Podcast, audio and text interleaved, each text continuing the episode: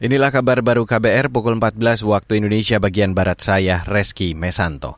Saudara Presiden Joko Widodo mengklaim saat ini pembangunan tidak lagi Jawa sentris atau berpusat di Pulau Jawa.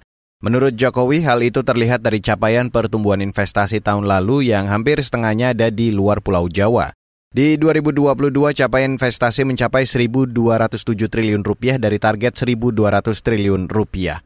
Kemudian pertumbuhan itu 53 persen, yang saya senang 53 persen itu ada di luar Jawa. 47 persen ada di Jawa. Artinya kita ini sudah tidak Jawa sentris lagi, tapi Indonesia sentris. Di Sulawesi, baik di Maluku Utara, baik di Sumatera, tumbuh. Presiden Jokowi menambahkan pemerataan infrastruktur menjadi alasan bagi investor untuk berinvestasi. Faktor lain adalah stabilitas sosial politik dan keamanan di tanah air yang berkontribusi atas tingginya capaian investasi. Beralih ke berita selanjutnya, Saudara, Partai Nasional Demokrat atau Nasdem menyerahkan sepenuhnya urusan perombakan kabinet atau reshuffle ke Presiden Jokowi. Hal itu disampaikan Ketua Umum Partai Nasdem Surya Paloh usai bertemu Ketua Umum Partai Golkar Erlangga Tarto hari ini.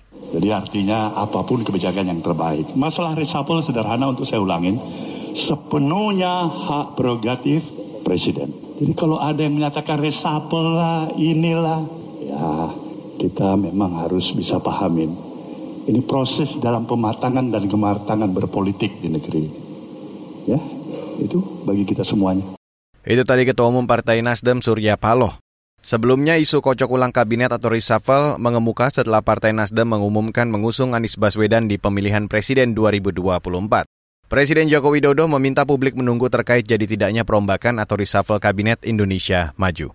Saudara Badan Dana Anak PBB UNICEF menyebut lebih dari 5 juta anak memerlukan bantuan kemanusiaan di Myanmar. UNICEF juga mencatat 1,5 juta orang di Myanmar telah mengungsi sejak kudeta menggulingkan pemerintahan Aung San Suu Kyi 1 Februari 2021. Sejak kudeta, sekitar 2.800 orang tewas dan 700-an orang ditahan. Hingga saat ini perpindahan penduduk Myanmar terus berlanjut. Pekan lalu, sekitar 20 ribuan warga sipil mengungsi di negara bagian Karen selama pertempuran antara pemberontak dan militer di dekat Kau Keriek. Demikian kabar baru yang dipersembahkan oleh KBR, saya Reski Mesanto.